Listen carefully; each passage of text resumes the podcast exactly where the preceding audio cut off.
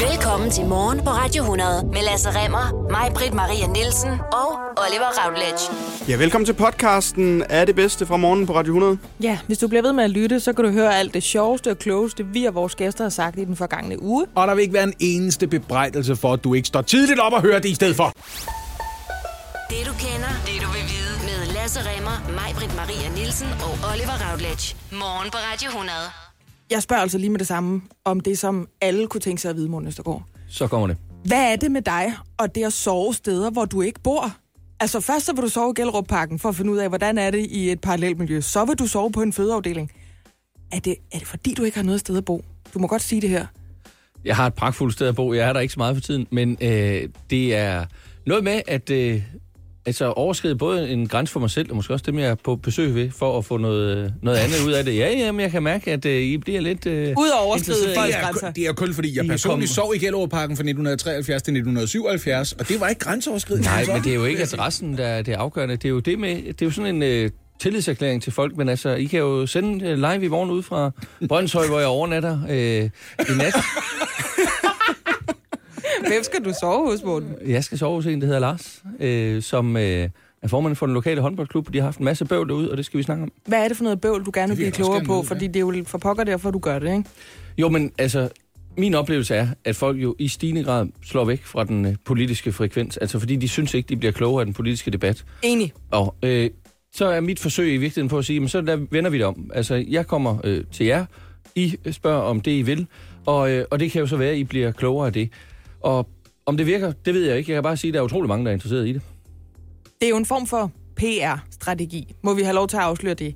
At man svømmer fra Lindholm for eksempel, eller at man øh, har x antal overnatninger et givet sted. Og det tiltrækker jo opmærksomhed. Jeg tror, det er indiskutabelt, om det virker, for vi sidder også og taler om det nu. Øhm, er det sådan, man kan aktivere de 15 procent af de stemmeberettigede danskere, der ikke stemmer til politiske valg? Kunne det være sådan noget PR? Fordi det er nemlig en mission, vi har her på Radio 100. Det er, at vi vil have 100 procent valgdeltagelse. Vi vil simpelthen have, at folk de engagerer sig. Vi er egentlig ikke så interesserede i, om de stemmer på dig, eller om de stemmer, stemmer på Inger Støjholm, som vi også har haft besøg af, eller Tom Ahlers, eller for søren ved jeg. Vi vil bare have de stemmer. Vi vil have nordkoreanske tilstande. Det Kan man gøre 102 det ved at lave sådan nogle pussy ting med at overnatte hos folk, eller svømme sig en lang tur, som du gør, Morten Østergaard? Det er i hvert fald sådan, og, og prisværdig øh, målsætning, jeg har der, som jeg gerne bidrager til. Men jeg tror, man er nødt til at starte med sig selv. Altså, hvad kan man gøre selv, som man måske ikke ville have tænkt var inden for det at være i det almindelige politiske virke? Fordi hvis folk skal vække tillid eller få en fornyet interesse til det, så tror jeg, man er nødt til at sætte sig selv på spil. Og, og nu taler du om svømmeturen dernede øh, ved Lindholm. De mennesker dernede føler sig jo dybt overset og glemt og klemt i den politiske debat, der har været.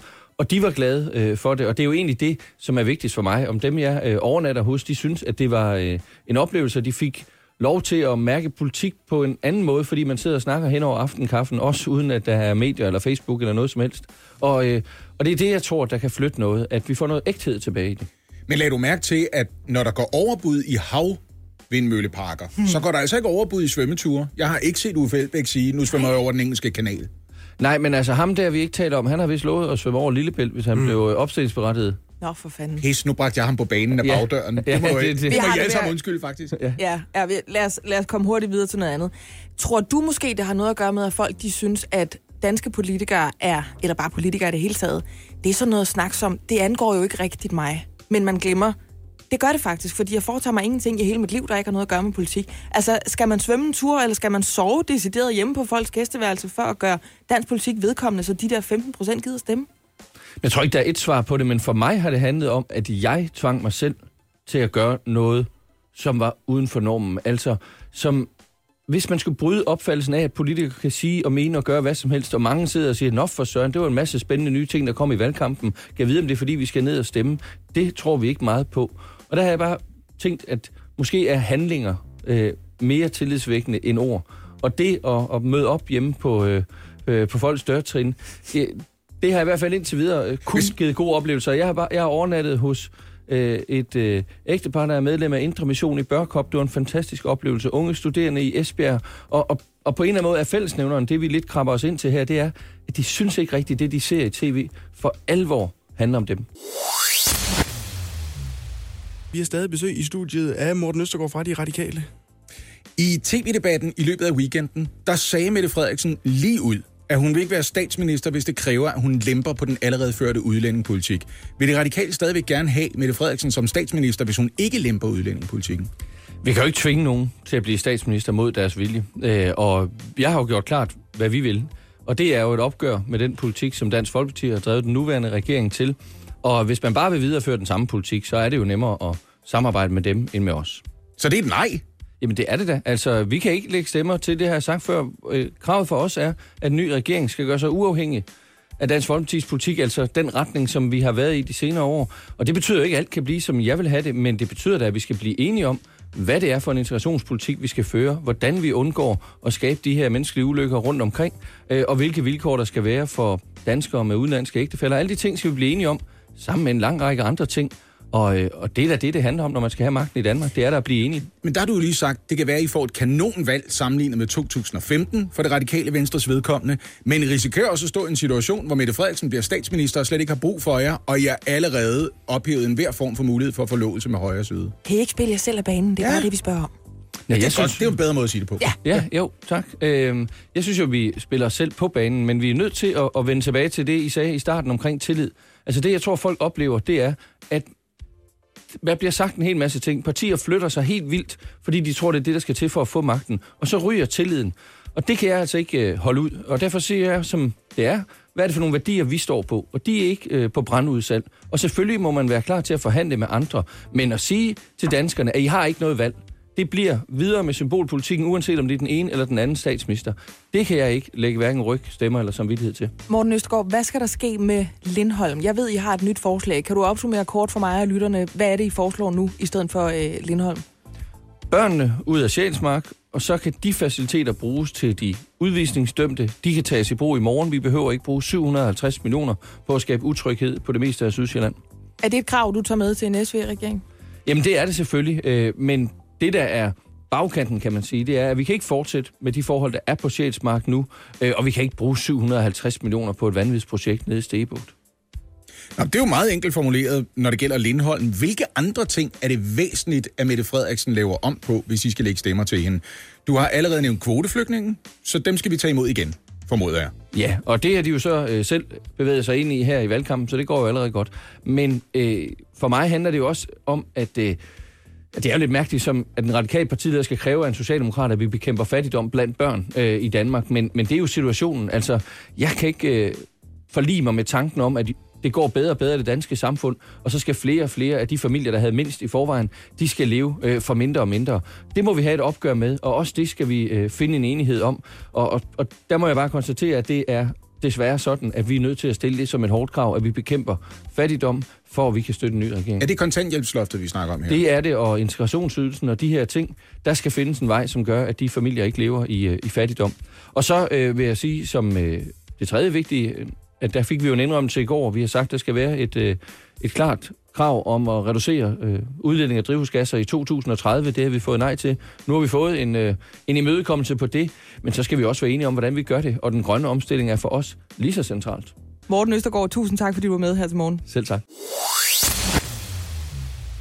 Det er Kasper Tid, det er Kasper Tid, det er Kasper Tid, det er Kasper Tid. Klokken 7 minutter over, Ej, det du er lyder bare så meget som sådan en far, der prøver at være venner med alle sine søns venner, når du synger på den der måde. Hey, Please hold kæft, Lasse. What up, spiller i Fortnite, mand? Det er også lige downloadet på den laptop, jeg har fået fra mit arbejde. Ja. Nå, Kasper, Ja, du har taget en historie med. det har jeg. Hvad skal det handle om i dag? I dag der skal det handle om et dyr, jeg ikke tror, jeg har vendt før, nemlig æderkoppen. Ja. Ja. Fordi øh, nu går det jo ikke længe før alle os danskere, vi øh, skal på sommerferie. Og det kan være, at nogle af vores lyttere måske skal til Kina. Og hvis de skal det, så skal de lige passe lidt på. Fordi der er ansigtsgenkendelse alle steder. Ja, og Også det, ja. en masse smus i luften og sådan noget. Jamen, der, og så var der så det her med, at øh, en mand i det østlige Kina tog øh, på hospitalet her tidligere på måneden. Det lyder som Fordi, starten på øh, en dårlig joke. Jamen, det, det er meget alvorligt, Oliver. En kineser går på hospitalet. Fordi han oplevede sådan en øh, underlig øh, kriblende fornemmelse i det ene øre. Nej, jeg kan ikke have de der... Og så var der noget derinde, og så... Først kunne lægen ikke rigtig se noget, men så, Ja, øh, men så kunne undersøgte han godt. han det lige Åh. lidt nærmere. Og så kunne lægen altså se, at der var en æderkop inde i det her øre, der var ved at øh, spinde sit spind. Fy for helvede. Æderkoppen havde simpelthen øh, stået lejr helt inde ved mandens trommehinde. Nej. Det er så ikke noget, vi skal være nervøs for her i Er jeg Danmark. den eneste, der har det som om, at nu har jeg en æderkop inde i øret, når man hører sådan noget? Det er ligesom, når man hører, at nogen har lus, så begynder det at klø. Det er ligesom- får jeg det nu. Nu kan jeg bare sige, at du er ikke den eneste, der bruger de høretelefoner, vel? Kasper for helvede, det er jo som en af de der historier, hvor der er nogen, der har lagt æg i en, i en mand. Ja, Præcis. I en andens krop. Ja. men heldigvis så er det altså ikke noget, vi skal være nervøs for her i Danmark. Det øh, fortæller Tobias Sandfeldt, der er Ph.D.-studerende og forsker i symbiosen mellem sociale æderkopper og mikroorganismer til DR. Han siger, at det er få danske æderkopper, for eksempel nordisk fugleæderkopper og mariehøns æderkopper, der bor i gange i jorden og kan tænkes at vil kravle ind i øh, vores øregange. Når de andre æderkopper er slet ikke tosset med det der Nej, med at det- kravle det ind i en gider de hule. ikke Det gør er de ikke sociale æderkopper. Lige præcis. Ja, okay. Men de her æderkopper, det er altså nogle ordentlige bæster, så det, øh, det mærker man, Men hvis de er hvordan på vej fanden- ind i vores ører. Er der, der er jeg altså lige nødt til at spørge, altså er han en, er han en kæmpe mand, der er kravlet ned fra en bønnesdag, ham der, du snakker om fra Kina, fordi det er da ikke, altså en fugleæderkop kan sgu da ikke være inde i hans hoved, uden han ved det. Man ved ikke helt, hvad det var for en æderkop der Nå, i, okay. øh, i For Kina. det der, de er jo ret store, altså det er jo sådan nærmest en håndfuld, dem der med Det de lodne ben, jeg tænker på. Og det er altså to af de æderkopper, som øh, kunne tænkes at vil kravle ind i vores ører her i Danmark. Men de er altså så store, at det vil vi mærke, hvis de er på vej ind i vores ører. Ja, det vil vi lige kunne mærke. Og så i øh, den anden ende af størrelsespektret, der er de små æderkopper, for eksempel springæderkopper. Men dem vil du så næppe bemærke, hvis de af urensagelige årsager tager ind i dit øre. Mm. Så det er altså ikke noget, vi skal frygte her i Danmark. Det vil sige, der kunne være en springæderkop i mit øre lige nu. Det kunne jeg sagtens. Men altså, den kinesiske mand her, han fik skyldt øh, æderkoppen ud med noget saltvand, og så var der ikke mere i det. Og Tobias Sandfeldt, han siger også til, øh, til DR, at vi kan roligt øh, rejse ud i verden og tage ud i naturen, uden at frygte sådan æderkop skulle øh, komme ind i vores ører.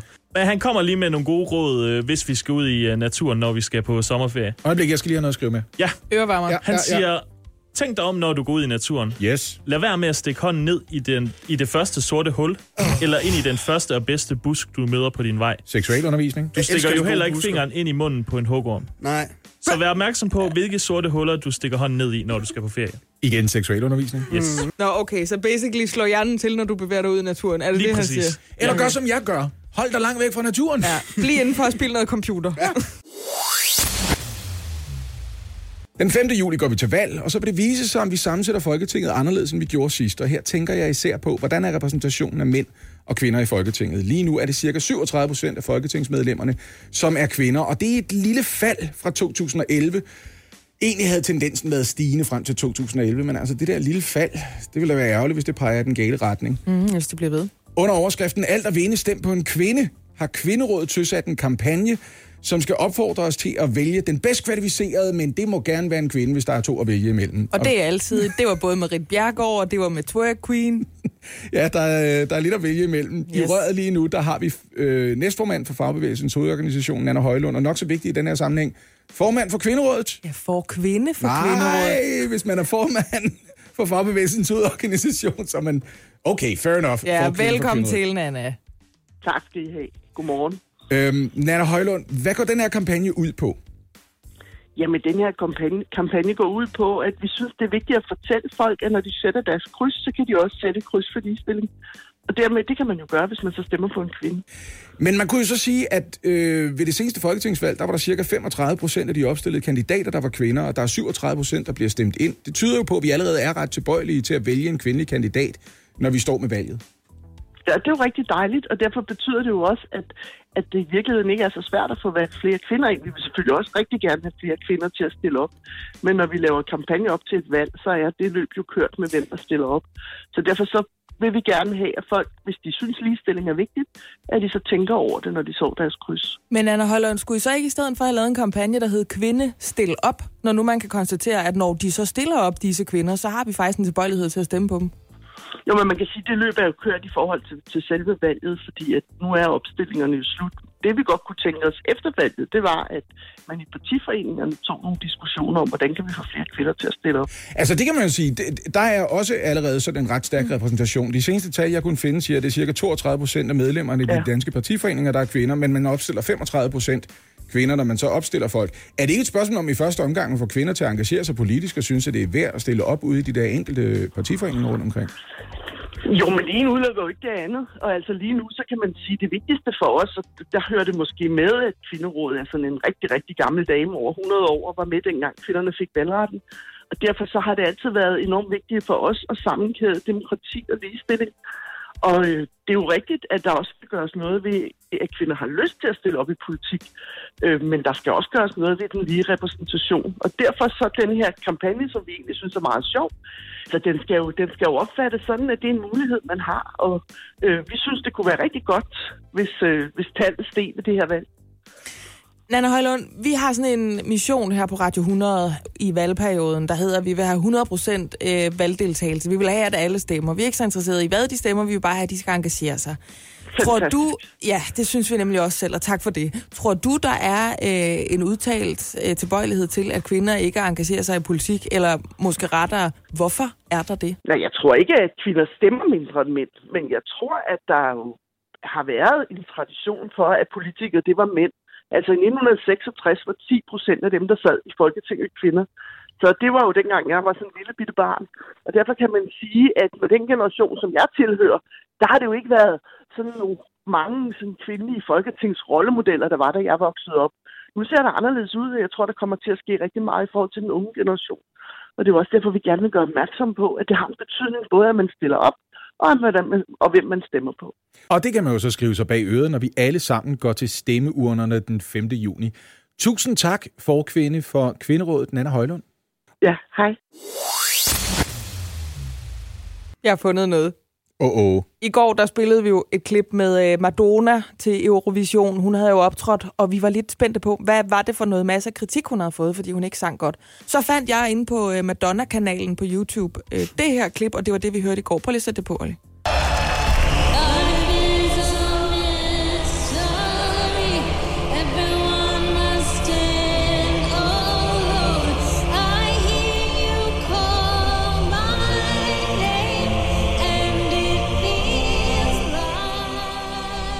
Stadig ikke godt. Og vi snakkede om, vi kan godt høre det Madonna, men det lyder ikke som hende, vi har hørt synge Like a Prayer i 30 år. Det lyder som om, hun er lidt stakåndet, faktisk. Mm, det er jo fordi, du og jeg ikke så det lørdag aften i modsætning til over en million danskere, der sad og så Præcis. Eurovisionen. En af dem var Oliver. Mm. Du Så huskede vi- det også anderledes, Vi ikke skulle Oliver? lige se sådan, hvad, what's the fuss about? Ja, ja. Nu har jeg fundet ud af det.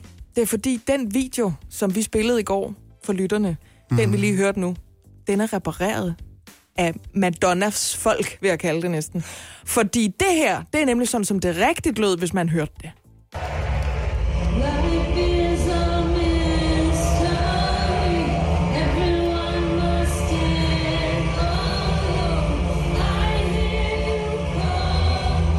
Oh. Oh. My name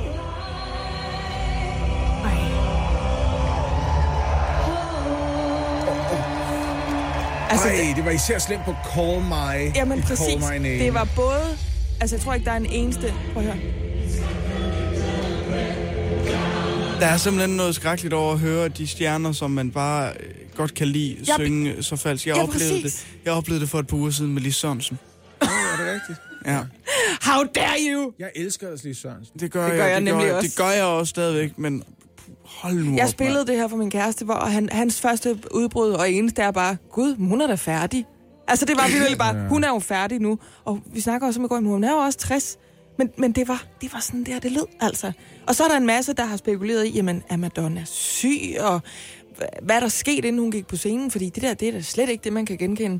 Men det, det der, det er jo slet ikke, som vi kender Madonna. Jeg var lige forbi hendes Instagram-profil, der har hun lagt et lille klip ud fra den her optræden, og den tredje mest likede kommentar på Instagram. Og nu har vi lige snakket om, hvordan man skal passe på, at lade det påvirke en selv her. Ja. Tredje mest likede er Basefly72, der skriver, You didn't sound like this on the night, udråbstegn. Åh, Ja, okay. Ja.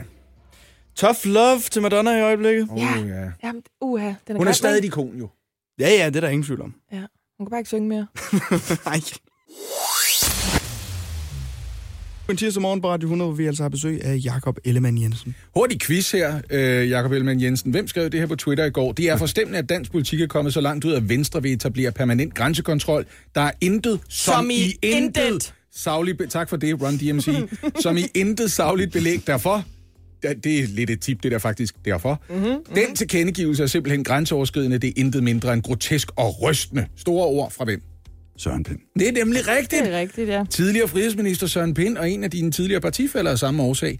Ah, han er nu stadigvæk med en partifælde. Nå, okay, ja, det er da det. Man melder sig ikke ud, bare fordi man, øh, man har lagt... Nej, øh, altså han er ligesom trådt ud af dansk politik, og så er han der stadigvæk. Ja, ja, man er jo stadigvæk han- medlem af, af, af Venstre. Søren Pind er jo ligesom Paolo stadigvæk. Han skriver med arm og ben. Han er stadigvæk. Men sådan noget tænker jeg lidt en gang imellem over. Øh, hvor tit kommer vi til at opleve, at for eksempel en Jakob Ellemann Jensen siger, nu er jeg færdig med politik, og alt det der, jeg stod på mål for for otte år siden, det var kæmpe idiotisk. Øh, altså, der, der lader til at være den der tendens til, at man får øh, det her pludselige klarsyn, øh, når man stopper i politik. Der, Ja. der er nogen, der har det allerede, mens de er der. Altså, Birte Rønne Hornbæk havde det klarsyn allerede, mens hun sad i, i Folketingsgruppen, har altså også udfoldet det bagefter, men ikke i, ikke i højere grad. Øh, men, men der er en tendens til, at folk de bliver meget, meget klogere, og altså får, øh, får, får et andet syn på, øh, på nogle ting, når de forlader politik. Vi Så har de også jo fået klarsyn på... øh, herinde. ja. Kan man kalde det det? Da det gik op for os, at der var omkring 15 procent af de stemmeberettigede danskere, der ikke stemmer til et folketingsvalg. Så fik vi det klarsyn, at det vi vil lave om på. Mm. Vi vil have nordkoreanske øh, stemme øh. Vi vil Ja, have alle deltagere. Men med lidt flere valgbare øh, typer. Det kan du kalde det. Vi, ja. vi er sådan set ikke så interesserede i, hvad folk de mener, Nej. eller hvad de tror på. Vi vil Men bare have at de mener. Ja, præcis. At ja. de mener. Det lød helt filosofisk. Mm. Hvad skal vi gøre for, at de 15 procent, de gider at stemme? Hvad skal vi gøre for, at de interesserer sig nok til, at de føler, at de kan stemme på et oplyst grundlag?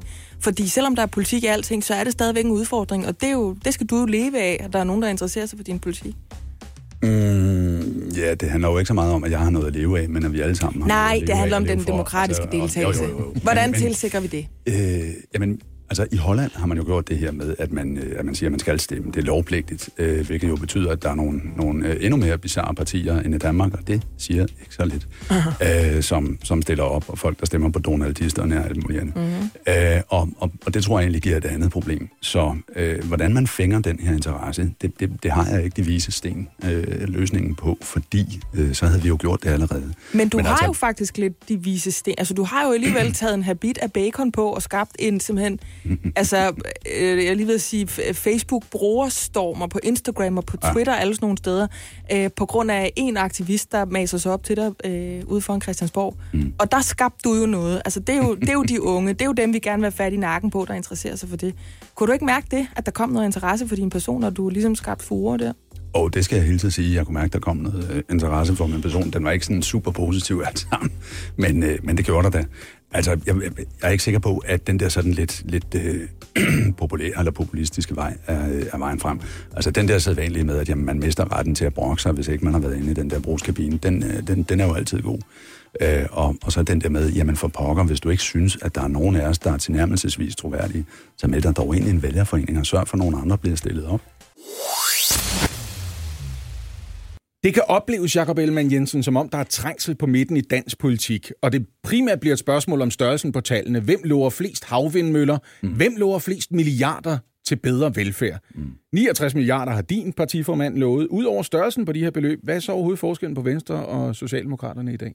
Altså det grundlæggende udgangspunkt er jo der, hvor vi, øh, der, hvor vi kommer fra. Altså kommer vi fra et parti, der, er, øh, der tager sit udspring i fællesskabet, eller kommer vi fra et parti, der tager sit udspring i individet? Det betyder jo, at vi kan godt ende det samme sted og være enige om nogle ting, men, men starter vi i fællesskabet, eller starter vi i individet? Det er den grundlæggende forskel. Men det, det- betyder det- jo ikke, at Det er jo at ideologi, vi er på vej ud Ja, i nu, ja, Jacob ja. Altså helt sådan funktionelt. Hvis nu, man, hvis nu man aldrig har stemt før, lad os forestille os en, en stakkels 18-årig, aknepladet ung mand. Han har ikke stemt før, han er en af dem, der hører Radio 100. Han tænker, jeg skal engagere mig i det her samfund. Jeg kan ikke regne ud, om jeg er venstremand, eller om jeg er socialdemokrat. Hvorfor skal... Så hvorfor, for en sikkerheds skyld, så er han nok venstremand. og hvorfor? For, forklar os det, fordi det virker meget som om, I er ved at smelte sammen på midten. Nej, men det er han, fordi øh, ungdommen, i hvert fald som jeg oplever den, er øh, for mange af dems vedkommende meget individuelt orienteret. De er meget orienteret på at skabe sig nogle muligheder og på at have øh, nogle frie valg i tilværelsen. Øh, det betyder meget for dem. Iværksætteri er noget, der, der fylder meget. Vi kan se med nye øh, og fremragende kollega, Tommy Alers, er en, der, der har en stor appel til unge mennesker, fordi han ud øh, stråler det, som de gerne vil. Muligheden for at vise, jeg kan godt noget. Øh, Jeg kan lave et at- ordentligt pitch.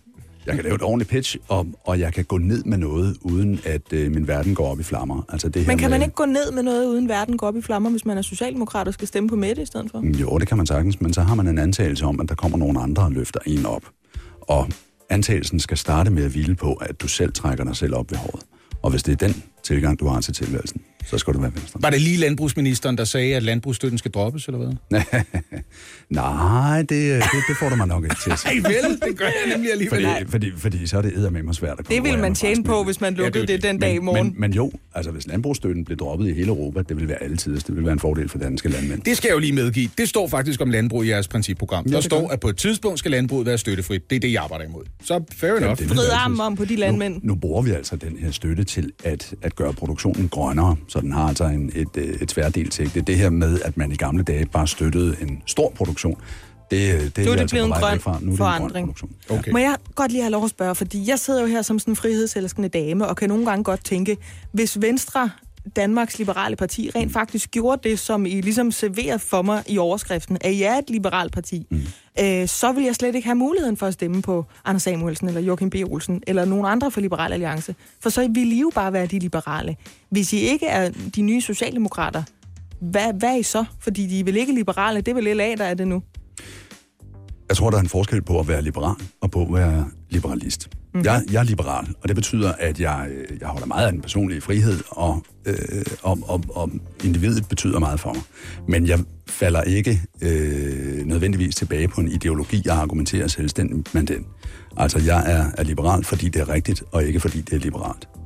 Ved du, hvem jeg engang har hørt til mit ansigt sige, jeg er grundlæggende liberal, men jeg bliver aldrig liberalist? Johannes Schmidt Nielsen.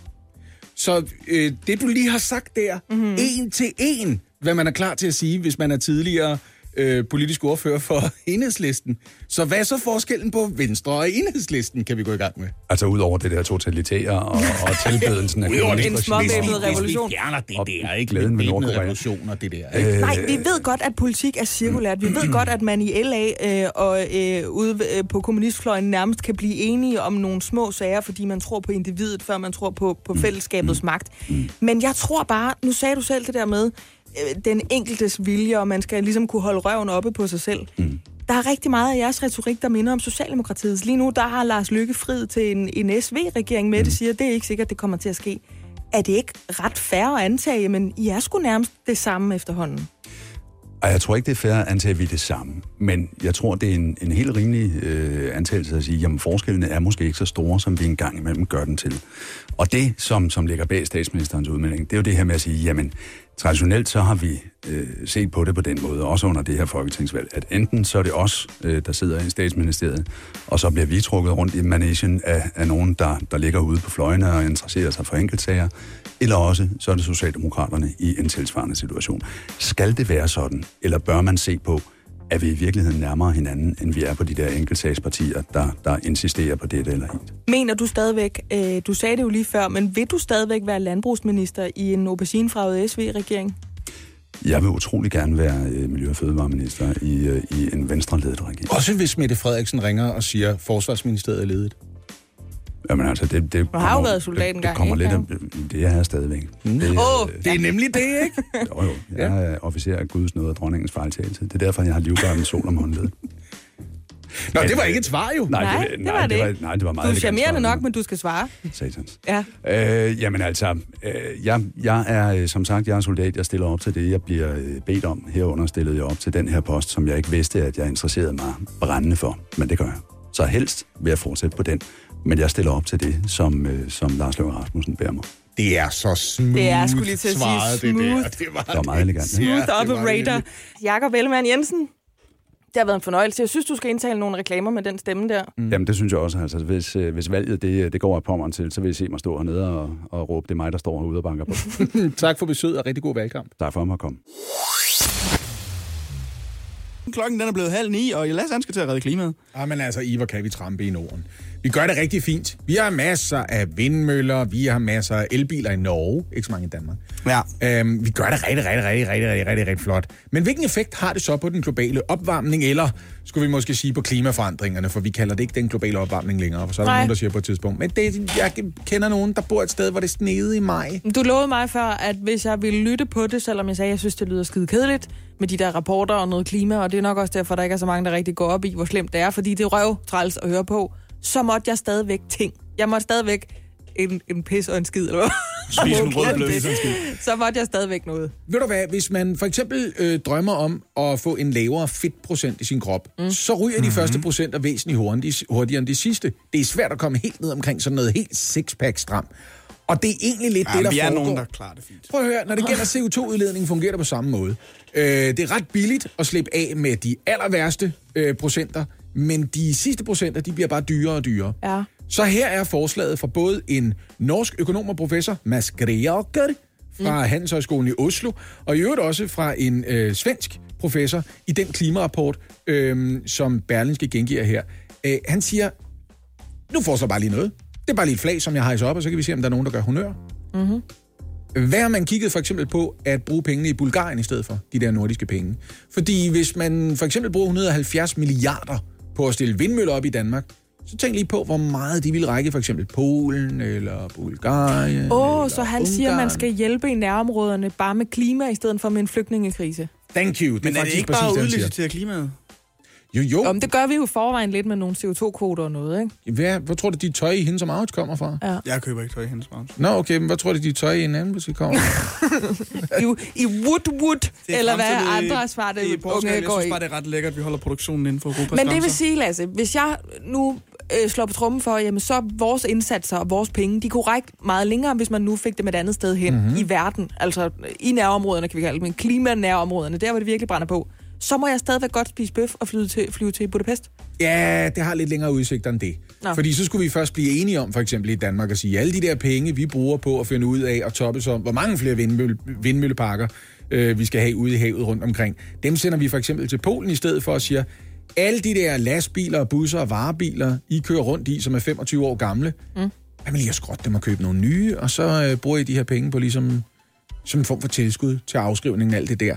Så lige pludselig så får I nogle motorer og så videre, som er væsentligt bedre for klimaet. Det alene, påpeger en af øh, de her professorer, altså Mads Griager fra, fra Norge, han siger, det alene vil betyde, at Polen kunne leve op til landets klimamål. Hvis Men de bare jeg- skiftede deres vognpark ud. Må jeg så lige sige, er det så ikke bare fordi, altså, at vi har nogle høje reduktionsmål, og de, de er lavere i Polen?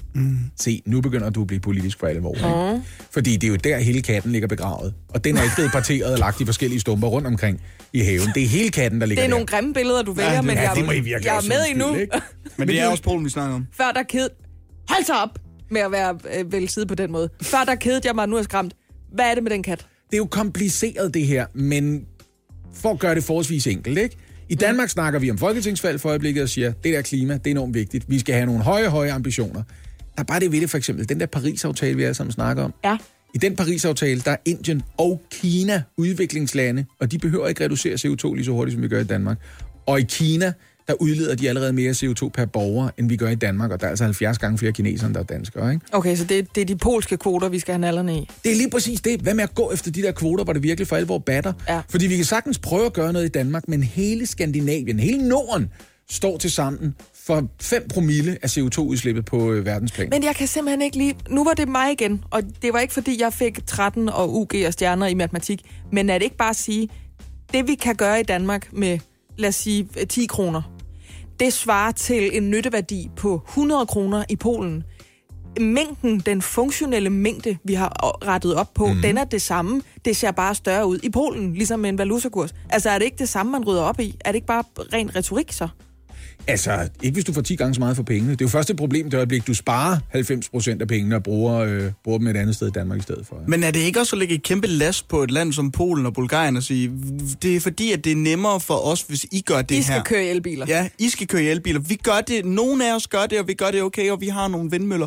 Men I gør det ikke ret godt, så I, skal, ikke- I det er bliver det, der- pålagt det, det her. Det er jo det, der er så vildt ved det. Hvis du kører i den allernyeste øh, dieselmotor øh, model i Danmark, hvis du kører rundt med den under øh, din kølerhjelm, altså, så er det eneste skift, du nærmest skal gøre, det er til en elbil, som, Ja, er, det gør jeg jo. som er bedre for miljøet, øh, øh, end, end den bil, du allerede kører rundt i. Jeg Men hvis du så kører rundt i en, den bil, altså. prøv hvis du kører rundt i en Volvo fra 1989 i stedet for, så gør du en kæmpe forskel ved at skifte til en Volvo for ja. bare 2016. Så det vi i virkeligheden prøver at sige, det er, køb nogle nye ja. biler for Lige fanden. præcis.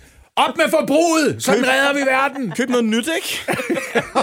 Køb en dejlig ny bil, for fanden. Ja, ja, hvor du hvad, de fattige, de er sgu så kedelige. Okay, så det, klimapengene, de batter mere i sådan et land som Polen, fordi de har lavere reduktionsmål. Ved du hvad, du kunne jeg bare have sagt, og så havde vi spillet musik med det samme. Ja. Mm. Der sagde jeg det for dig. Ja, det tak skal du have. Det var så lidt, min ven. Ja, men du hjælper mig tit på den måde. Hjælp en, du holder af med at tage det første skridt til bedre hørelse. Få et gratis og uforpligtende hørebesøg af Audionovas mobile hørecenter. Så klarer vi det hele ved første besøg, tryk dig nemt i eget hjem. Bestil et gratis hørebesøg på audionova.dk eller ring 70 60 66 66. Og vi har stadig besøg af formand for Liberal Alliance, Anders Samuelsen, i studiet. Det er fuldstændig korrekt. Og Anders, vi ved jo godt, at nogle gange så siger man nogle ting, man måske ikke helt mener, eller man måske godt ved, man ikke har de største og bedste forudsætninger for at gennemføre, når valget er slut. Men det sidste nye er, at I vil hjælpe de unge. Ifølge jer selv vil I altså hjælpe dem. Helt konkret så vil Liberal Alliance afskaffe uddannelsesloftet. I vil rulle fremdriftsreformen tilbage, og så vil I fjerne loftet over, hvor meget man må tjene ved siden af sin SU. Hvorfor må man tæve SU og universitetskroner ud af staten mere end én gang? Altså, er det ikke meget lidt, jeg klarer mig selv-agtigt? Er det ikke meget lidt liberalt, at man må blive ved med at tage uddannelser, der bliver betalt af alle andre? Jeg tror, det er vigtigt, at man passer på, at vi ikke øh, ender i sådan en fælde, øh, hvor vi først bliver plukket af staten, og derefter så skal vi være taknemmelige over for alt, og så skal vi arbejde præcis sådan, som staten gerne vil have det, og vi må ikke lave nogen fodfejl undervejs. Så har vi virkelig lavet en luksusfælde for os selv. Så selvfølgelig skal det være sådan, at, man, at der er plads til i en studietid, at man øh, fortryder, eller at man kan komme i en personlig krise, som gør, at man lige har behov for at forlænge studiet et halvt til et helt år. Det synes jeg, øh, rent, uh, ud fra et rent menneskeligt synspunkt, må være det rigtige. Og derfor uh, af med fremdriftsreformen og af med uddannelsesloftet. Og så det her med, at på den anden side er der nogen, som gerne vil arbejde lidt ekstra ved siden af, mm. og har evnen og, og kræfterne til det. Hvorfor skal de have sådan en ekstraordinær høj øh, marginalskat eller dumme bøde? Hvis de tjener lidt ekstra, så skal de absolut modregnes i, i, den, øh, i den ydelse, som de har fået. Derfor, væk med de, eller, derfor de tre ting. Lige nu der må man tjene øh, 13.375 kroner ved siden af sin øh, borgerløn til studerende, kan man jo næsten kalde det. Ja. Er du ikke ræd for, at de unge de bliver helt tosset med at tjene penge, og de derfor kommer til at negligere de der studier en lille smule? Nej, det er jeg ikke. Jeg har stolet faktisk ret meget på de unge. Altså, der vil være nogen, som, øh, som gør det. Altså, ligesom der er nogen, der drikker for mange øl, og nogen, der ryger lidt for meget has. Altså, sådan er det jo. Altså, vi er jo mennesker. Øh, men jeg tror alt i alt meget mere på friheden, end jeg tror på øh, mistænksomhed. Nu sagde jeg jo før det der med, at man kan nogle gange godt i en valgkampagne komme til at sige og gøre noget, som man ikke har nogen forudsætninger for at gennemføre. Ingen nævnt, ingen glemt. Men mener I virkelig det her, eller håber I på at blive reddet øh, frem mod den 5. juni, at de studerende simpelthen er dem, de nye stemmeberettigede? Ja, vi mener det, øh, og vi er også kommet et skridt øh, på vejen, fordi vi har faktisk allerede i den her regeringsperiode hævet grænsen for, hvor meget du må tjene ved siden af din SU, uden at blive modregnet. Også her er det lykkedes os at få gennemført en skattelettelse. Så du siger, at det har slet ikke noget at gøre med, at Liberal Alliance står til sådan 16-17 procent af stemmerne blandt de 18-24-årige? Ingenting som helst. Nej.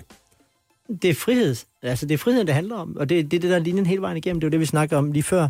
At vi ændrer ikke politik for at få folk over til os. Øh, det her med friheden, og, og det er fuldstændig øh, politisk ukorrekt at tale om lidt lavere skat, lidt mere frihed, lidt mindre stat. Det holder vi fast i, og det kan godt være, at der kun er 3% af stemmerne til det. Så er det det. Øh, men jeg tror på, at der er betydeligt mere, når det kommer til stykket. Og så tilspørger jeg dig, Anders Samuelsen. Okay, nu Hvorfor udgiver I alle sammen bøger midt i en valgkamp? Du har udgivet den bog, der hedder Ikke for mine blå øjnes skyld. Hvorfor nu det? Hvorfor nu? Ja, altså, nu er det jo ikke min første bog. Det er faktisk, det er faktisk syvende bog, som jeg lægger navn til. Øh, og tanken var at lave en opfølger til øh, den bog, der kom i 11, tror jeg det var, 12, øh, som hed Comeback Kit. Mm-hmm. Øh, nemlig, hvad er der så sket siden? Comeback Kid var sådan en meget personlig bog, også altså med meget en personlig baggrund. Øh, så er der sket rigtig meget politisk, og øh, der er rigtig mange, som har bedømt, hvad vi har gjort i Liberal Alliance udefra. Kommentatorer, journalister, Kender jeg ikke noget til. Kloge, mandagstræner og så videre. Ja, Så er tænker jeg, måske, måske, måske er det på tide, at, øh, at ham, der var inde i rummet, fortæller versionen. Comeback Øh, Kid, er det den, der hedder arbejdstitlen God Appetit, Henrik Kvartrup? ja, lige præcis. Okay. Nøjagtigt, ja. Det var en fest. Det var et af mine politiske højdepunkter, da han blev tvunget til at æde en hat på morgen-tv. Det var, ja, men det, det, når, jeg, når jeg er ked af det, så kigger jeg på det billede af Kvartrup, der der bider den Der står med resterne af en hat i mundvigen. Man bliver så glad. Men det var tanken. Altså, fortælle historien indefra. Altså, Ja, for det er mit næste spørgsmål. Hvad handler den her bog om? For dem, der måske ikke lige har tænkt sig at læse den, og måske ikke er vant til at købe bøger i det hele taget, der skriver ja. politikere. Hvad, hvad vil du med den bog? Hvad skriver du i den? Jamen, den handler om op- og nedturene øh, i den periode, der har været, og så peger den fremad på, hvad er så det næste, vi gerne vil opnå. Altså, der er politik i det. Der er klimapolitik, der er skattepolitikken, der er uddannelsespolitikken, der er afbyråkratiseringsdelen. Der er alle de der ting, det er også flettet ind i det, men det er også et øh, ind i rummet og kigge på, hvad skete der egentlig bagved der i de der meget, meget dramatiske forløb, som mange har fuldt refereret i pressen, men her kommer min udgave. Hvad, omslaget, er det et billede af dig, der er på vej ned fra et meget højt træ? Nej, fordi at, øh, jeg prøver at være lidt mere fantasifuld. Nej, det er heller ikke... Jeg har ikke... Øh, Der det? fik du den. Der fik jeg nemlig den, ja. Ja, lige præcis. Nej, øh, det er et øh, billede taget af min meget gode øh, ven i Horsens, øh, Flemming Lund, som egentlig ikke er øh, professionel øh, fotograf, men som er mega dygtig fotograf, og jeg er meget, meget tryg, øh, når jeg sidder foran hans linse. Og han er god til at tage, tage billeder. Det er et billede, hvor jeg sidder i en, Tillykke. i en, i en biografstol-agtig. og Tillykke med udgivelsen i hvert fald. Men Yes. prøv at høre, du, du, du siger tryghed, så lad os bare lige tage den ret hurtigt der. Ja. Ikke? Det er rigtig svært at blive statsminister i Danmark, hvis man ikke sælger sig selv som den bedste forsvarer af velfærdssamfundet, og I vil gerne have skattelettelser i det hele taget. Det der projekt, er det ikke dødstømt, så længe der er folk, der er klar til at sige, vil du hellere have billige biler, end du vil have hofteoperationer, Anders Jo, Samuelsen? jo, så længe den politiske debat skal være så sindssygt fordummende, øh, så, så er det rigtigt. Altså præcis ligesom nu hørte jeg lige en nyhedsoplæsning her før, at øh, en eller anden super ekspert sagde, at det var et kæmpe problem, at der var nogle rige herhjemme, der var blevet lidt rigere. Det kommer sgu da an på, om det betyder, at øh, alle er blevet rigere, at man har løftet den svageste gruppe, at vi har fået sænket arbejdsløsheden osv. Det er så fordummende, den måde at diskutere politik på, så jeg kaster op. Og der kan man jo vælge to ting. Slå op i banen og gå ud, eller blive og kæmpe, og jeg vælger det sidste. Vi vil straks finde en spand til dig, så ikke vi får gris på gulvet. Ja. Og så vil vi spørge dig, tror du, det er den der fordummende ting, du påpeger, der gør, at der til stadighed er 15 procent af os, som kan stemme, som ikke gør det, når der er politisk valg i Danmark? Jeg tror bare altid, der er nogen, som tænker, hvad fanden betyder det? Jeg lægger et lod i den der kasse med 4 millioner andre øh, stemmer, og jeg bliver hjemme på sofaen, og sådan vil det være. Det kan være det, det er, det er sindssygt imponerende, at vi som land er 85 procent, der, der, der stepper op øh, går hen og, og stemmer. Andre, man skal, for at komme over, op over det, så skal man have sådan nogle nordkoreanske systemer, eller Ja. sovjetiske, hvor man er nået op på 105 procent stemmedeltagelse helt tilfældigt. Det er jo meget imponerende selvfølgelig. Lasse det her, det er plejer alt- faktisk at sige, at vi vil have nordkoreanske stemmeprocenter. Har du et bud på, hvad vi kan gøre? Altså, vi har gjort alt muligt herinde. Vi har stået bare tær sammen med Jacob Ellemann. Vi har lagt billeder af mig og Mogens Jensen på vores story på Instagram for at nå de unge. Du er bottleflipper og er sådan meget øh, en hip udenrigsminister, tror jeg, vi kan kalde det. Er det sådan, man når Bliv dem, der skal stemme? Altså, jeg kan tåle det her uden at røde. Men Ja, det, ja. Det, det var jo også en, en med data selvfølgelig. Vi skulle have dig til at blive rød i skammen. Ja. Hvad skal vi gøre for at nå de der 15 procent? Skal vi bare være ligeglade, eller er det et problem? Og hvad skal vi gøre? Hvad synes du? Nej, vi skal ikke være ligeglade. Vi skal kæmpe, men jeg tror lige så meget, vi skal kæmpe for, at det ikke falder under 85 procent. Øh, fordi at, øh, at politik kan øh, meget ofte komme til at virke øh, fjernt, og derfor kan man da godt forstå, at, at nogen vil tænke, hvorfor skal lige lægge den sidste stemme ud af de 4 millioner? Så længe det er oppe på 85 procent, så tror jeg, vi skal være enormt stolte og tilfredse, og det viser, at vi har et velfungerende demokrati med stort engagement. Og selvom man taler meget om politikerlede, så dækker det jo bare over, at vi alle sammen har en favoritpolitiker, mm. som vi virkelig synes, øh, vedkommende skal have en støtte, og derfor går jeg ned og stemmer. Så det er politikerled over for alle de andre politikere, og så har man en favoritpolitiker, som man tænker, dem skal der være 90 af i Folketinget. Anders Samuelsen, formand for Liberal Alliance og udenrigsminister i hvert fald lidt endnu. Tak fordi du var med her til morgen. Fire år er også en tid. Ja, det er lang tid, Niller. Det er lang tid nu. Jeg vil give dig det her. Praktik, Kasper. Du er kommet stærkt igen. Jo tak, jo tak. Ja, du er, øh, jeg, vil, jeg vil sige, du er inde i en god gænge for øjeblikket. Mm. Tak for det. Mm. Din historie er blevet meget mindre kedelig. Ja. Øh, så det var lige mus-samtalen på 8 sekunder. Ja. Og nu tilbage i arbejde, tak. Ja, tak. Mm-hmm. Kom med en historie. Ja, fordi i mandags der fortalte jeg jo, at man skulle være lidt forsigtig, hvis man skulle til Kina her til sommer og vil ud i naturen. Men Hvorfor, ja, hvorfor var det nu, man skulle være det? det var fordi, der var en mand, der havde fået en æderkop i øret. Det er rigtigt, det kan jeg nemlig sagtens huske. Jeg Yes. havde glemt hans historie. Nej, overhovedet ikke. Jeg skulle bare lige være sikker på, hvad øre det var. Og nu viser det sig så, at man også skal være lidt øh, forsigtig, hvis man skal til Bornholm her til sommer. Der er nemlig blevet set en rev. I et øre? Nej, ikke i et øre, bare ude i naturen. Og nu er det allerede en skuffende historie. Ja, undskyld. Men det er faktisk lidt vildt, fordi siden slutningen af 80'erne, der har rev ellers været erklæret for helt udryddet på Bornholm. Mm-hmm. Men du har det jo med at genopleve. Ja, du har Jamen, det genoplever. Ja. Kan- Du du skal komme videre til, hvordan den er kommet over. Er den svømmet over? Er den gået Ja. over? Eller er der nogen, der har Jamen, haft den det- med i Den har bagagerummet? taget færgen. Hvad tror du det? Altså nu, du springer lidt for hurtigt i min historie her. Det må du undskylde, Fordi Kasper. siden 80'erne, der hvor den er blevet erklæret for udryddet, så har det været debatteret hæftigt, om den nu også var helt udryddet på Bornholm eller ej. Mm. Men i 30 år, så er der altså ingen, der har kunne levere et bevis på, at der findes rev på Bornholm. Mm. Indtil i den her uge. Hvor du har været over at tage et billede af reven. Det kan jeg desværre ikke tage æren for. Men mm. øh, bueskytten Orle Hansen, han har fanget en rev på sit øh, vildkamera. Bueskytte, hold da. Ja. Nå. Og Naturstyrelsen og Danmarks Jægerforbund, de har set optagelserne igennem, og de er altså ikke i tvivl om, at det er en rev, som øh, Orle Hansen har fanget på kameraet. Og det er jo lidt interessant, hvordan delen sådan en rev øh, ligesom er kommet til Bornholm. Det er da Er rigtig det, interessant. er det det spørgsmål, vi alle har på læberne? Ja, Alternativt, hvordan har den gemt sig så dygtigt i så mange Ja. år? Ja. ja, altså kredsformand i Danmarks Jægerforbund, Sten Friis, han undrer sig også lidt, da TV2 Bornholm, de viser ham optagelserne. Men så kommer han altså også med et godt bud her. Men jeg tænker jo roligt overbevist om, det er en rev. Men så har vi da ikke på Bornholm. Det vil vise sig jo. Det er da spændende, det er da sjovt, og, og det er da interessant at se, hvordan det udvikler sig. Om der er flere, om det er en enkelt, men jeg kan bare ikke forstå, med alle de jæger, der er ude den 16. og der ikke ser nogen ræve, så lyder det skægt, at der skulle være en rev der. Det må jeg kende. Men øh, der kan også være sat ud for et par dage siden, hvis der er nogen, der morer sig. Den teori deler skovfoden. Jeg kunne da godt tro, den var sat ud. Men det kan jeg selvfølgelig ikke bevise, men den er jo ikke lige pludselig dukket op af ingenting af sig selv, så der er nok nogle omrejsende i spøgeskæm, der har sat den ud. Hvorfor talte ham den første, som om han havde en sok i munden? Og hvorfor talte ham den anden, som om han havde lånt den første sok? Og, Nå, men, men, øh, der er simpelthen nogle ballademærer, der, sat, øh, der hygger sig med at sætte sådan en rev Er det en på and take rev? Er det det, det er? Det må det jo være, ja. Hvad fanden? Det vil kræve, at du fanger en rev først, og tager den med til Bornholm og slipper den fri. Men det er der til Sydlandet altså nogen, der har gjort. Men Kasper, er der nogen, der har så dårlig humor? Nogen, der synes, det er Det er også fordi, der er den indstilling. Det, ja, det synes jeg bare lyder meget underligt. Ja, det Så lyder lidt som om, man lidt beskylder bueskytten Orla Hansen for at have staged en rev. Det lyder som om, de siger, Har han klædt sin kone ud som rev? klart, Er det det? klart, Ola, klart, du så en rev. Ja, lad være! ja. Jeg ville kunne forstå det, hvis der var nogen, der sagde, for første gang i 28 år har man set en flodhest i naturen. Så kan jeg godt forstå, at der er nogen, der vil sige, det lyder, det lyder, det lyder mærkeligt. Men det skal, det skal siges, det er ulovligt at sætte sådan en rev ud på øh, Bornholm. Så øh, hvis man Kun på fanger... Bornholm, eller hvad? Andre steder må man gerne. Nej, ikke Det- på Nørrebro, Oliver. Man må Nå, i så hvert nu fald skal ikke det på altså Bornholm. undersøges til bund, om det er nogle øh, ballademager, der har sluppet den rev løs. Ja, For det kan vi ikke tro For på. men det er i- altså også øh, ulovligt at skyde den her rev, fordi den er lokalfredet på Bornholm. Så når den første er der, så er det bare 20 Så kan man ikke gøre noget. Du bliver bare ved med at sige Bornholm. Hvor er det vildt, det der. Det, er, det ville fandme være interessant, hvis det galt for hele Danmark for første gang mm. i to generationer. Har man set en rev på et tredje sal i Søllerødgade på Nørrebro. og så bare en Nørrebro-fod, der bagefter siger, det synes jeg lyder Det synes meget jeg- mærkeligt. Eller Hun siger, hun har meget mærkeligt. meget mærkeligt. Nå, tak for historien, Kasper. Det var en god historie, Kasper. Tak skal du have.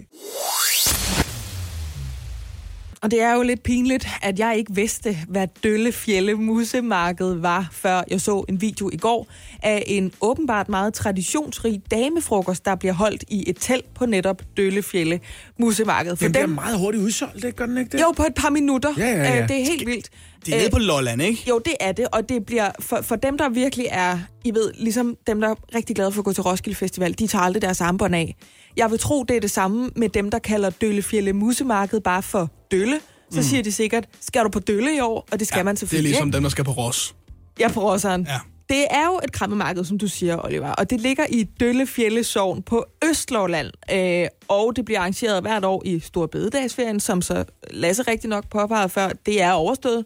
Øh, og der kommer over 100.000 mennesker, og det skaber mange lange bilkøer til markedet og til parkeringskaos, kan jeg læse mig til. Ja, de kalder det et krammermarked, men altså, jeg har Det hørt lidt om den mange- der damefrokost. Det er ikke bare kram, der bliver uddelt, det er det, nej, nej, altså, det, øh, det, nu læser jeg op her, Ja. ikke? fordi jeg har jo virkelig været nødt til at måtte finde ud af, hvad er det her for noget? Og der er jo masser af videoer øh, af smukke damer i smukke hatte, og nogle meget topløse mænd, vil jeg kalde dem. Mhm. Men der står her, øh, der bliver afholdt en traditionsrig damefrokost, som er meget populær blandt lokalbefolkningen. Damefrokosten samler flere hundrede kvinder, der alle er iført hat. Udover mad er der musikalsk underholdning og mandestrip. I 2014 slog man rekord med 1.259 solgte billetter, og frokosten bliver ofte udsolgt på ganske få minutter. Mm-hmm. Og så kan man så lige sige, tillægsinformation, der bliver faktisk holdt en lignende herrefrokost, hvor der er topløs servering og stegt flæsk og persillesovs, men den bliver ikke udsolgt nær så hurtigt. og der er åbenbart også en sang, og den har vi faktisk fundet. Så Oliver, tryk du lige på knappen. Byen, jeg er født i, den er ikke særlig stor. Men navnet, den har fået, er bestemt et mærkeligt ord. Der er aldrig nogen, der husker, hvad jeg hedder selv. Men min adresse hænger ved, for den er helt speciel. Det er lidt en florfælder, det her.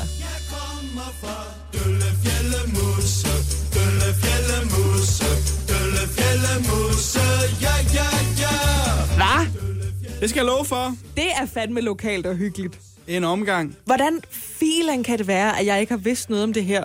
Jamen, det ved jeg ikke. Ved du noget om Jallerup Marked, for eksempel? Jeg har hørt det. Jeg troede jo, at jeg øh, havde været godt rundt i krone, fordi jeg engang har været på det, der hedder Vorbassemarked. Ja. Jallerup, det siger mig også noget. Mm. Hvad er der ikke noget, der hedder Jallerup Færgeby? Altså, øh, hvor, prøv at høre. Hvor, hvor base, der er vi nede omkring sådan noget Grænstedkampen, ikke? Jo, jo. Øh, Hjallerup, der er vi nord for Limfjorden. Ja, ja. Øh, Omkring Dronning Louis.